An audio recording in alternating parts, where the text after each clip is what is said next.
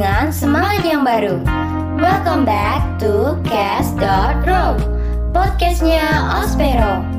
Sebelum itu, kenalin aku Moza dan aku Cikwita yang akan menjadi host pada podcast Growing Up in Youth Part 2. Wah, udah masuk bulan puasa aja nih. Gimana nih puasanya? Lancar? Nah, podcast ini juga bisa untuk nemenin ngabuburit kalian. Jadi, di sini kita akan bacain NGL yang kedua.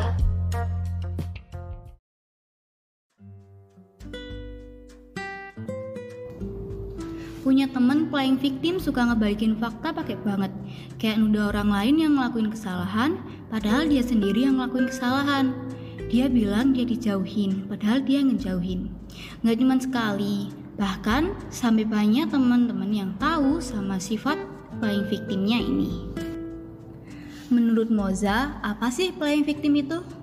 Oke, okay, menurut aku playing victim disebut juga dengan istilah victim mentality. Playing victim terjadi ketika seseorang melemparkan kesalahan kepada orang lain, meski kesalahan tersebut adalah perbuatannya sendiri. Orang dengan sifat playing victim selalu merasa diserang dan menganggap semua hal buruk yang terjadi pada mereka memang sengaja dilakukan untuk menyakiti mereka. Oh, berarti orang yang melakukan playing victim memiliki beberapa faktor di antaranya tidak diberi kepercayaan untuk bertanggung jawab. Orang dengan mentalitas korban tidak terbiasa dengan tanggung jawab. Entah dia tidak pernah dipercaya oleh orang yang lebih mumpuni, atau dia tidak berani mencoba bertanggung jawab atas sesuatu.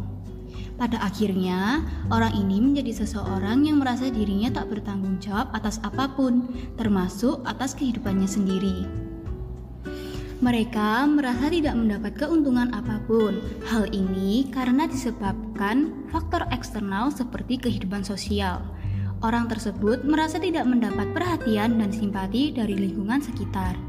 Meskipun terkadang ada saja keuntungan dan perhatian yang mereka dapatkan dengan cara lain, orang-orang bermental korban sulit merasakan dan mengapresiasinya. Trauma masa lalu Beberapa orang dengan trauma masa lalu membentuk sikap playing victim ketika semakin dewasa. Hal ini karena mereka tidak segera mencari bantuan selayaknya dari orang lain. Orang dengan trauma masa lalu dan memiliki sifat playing victim biasanya merasa dirinya paling malang dan ingin dikasihani. Dan yang terakhir, tidak berani memilih dan mengambil risiko. Ketakutan-ketakutan yang muncul dalam pikiran membuat seseorang enggan mengambil risiko dan menimbulkan kecenderungan playing victim. Karena mereka merasa tidak pernah memilih mengambil risiko, padahal tidak memilih juga suatu pilihan. Gimana sih cara menanggapi orang playing victim? Cara menanggapi orang yang paling victim, mungkin kita bisa speak up untuk membuat teman-teman percaya sama kita. Kita bisa lebih menyayangi diri sendiri atau istilahnya self love. Mulailah menyayangi diri sendiri dan meyakini bahwa diri kita berharga. Jangan terjebak dalam pikiran bahwa semua orang membenci dan memusuhi kita. Fokuslah pada orang-orang yang peduli pada kita. Jika merasa pikiran negatif mulai menguasai, coba tuliskan dalam jurnal sebagai cara belajar mengenali diri sendiri dan masalah yang kita hadapi. Katakan tidak secara bijak, berkata ya, dan mengikuti keinginan orang lain.